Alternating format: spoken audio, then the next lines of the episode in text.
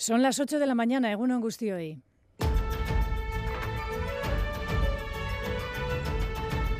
Crónica de Euskadi con Aichiber Bilbao.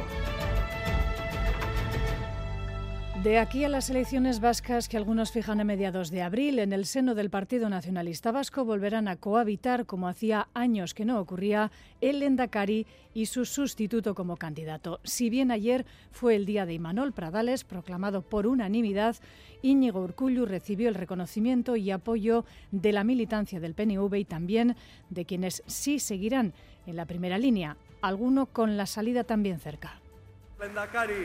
Eskerrik asko, eskerrik asko egindako lanagatik, eskerrik asko. Herri honen buru izateko erronka hartu zenuen zuregan.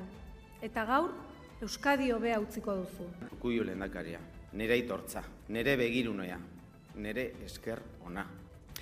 Quien más minutos dispuso ayer en Landacogunea fue este último, Emanuel Pradales, hasta ahora experimentado gestor en la Diputación de Vizcaya, pero que marca ahora sus prioridades si sale elegido.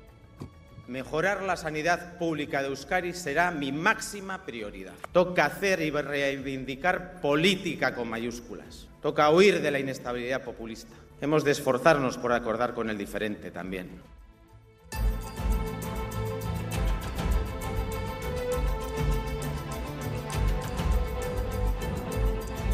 Amplia crónica política que recuperaremos. Por lo demás, en página internacional, la petición de la Organización de Naciones Unidas para mantener la financiación de su organismo de ayuda a los refugiados palestinos, la UNRWA, tras conocerse que varios de sus trabajadores han sido cesados por presuntamente tener vínculos con Hamas. Peligra la ayuda económica a miles de civiles y es más que necesaria. La ONU pide, por tanto, que se aclare el asunto cuanto antes.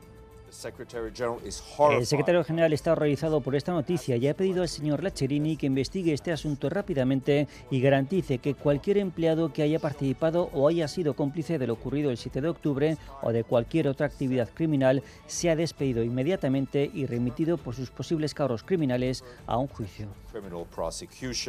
La honra que desde que estalló la guerra ha perdido a 140 trabajadores y de cuya ayuda depende en torno a 5 millones de personas. Y hoy es el Día Internacional de la Protección de Datos. En Euskadi, como saben, la ciberdelincuencia es el delito que más ha aumentado en los últimos años, con métodos cada vez más sofisticados, una amenaza sin duda para empresas, instituciones y también particulares. Tener antivirus actualizar los navegadores y las aplicaciones, acceder a páginas seguras, cuidado con mails, mensajes, correos de personas desconocidas, denunciar ante las autoridades posibles prácticas que se consideren sospechosas simplemente.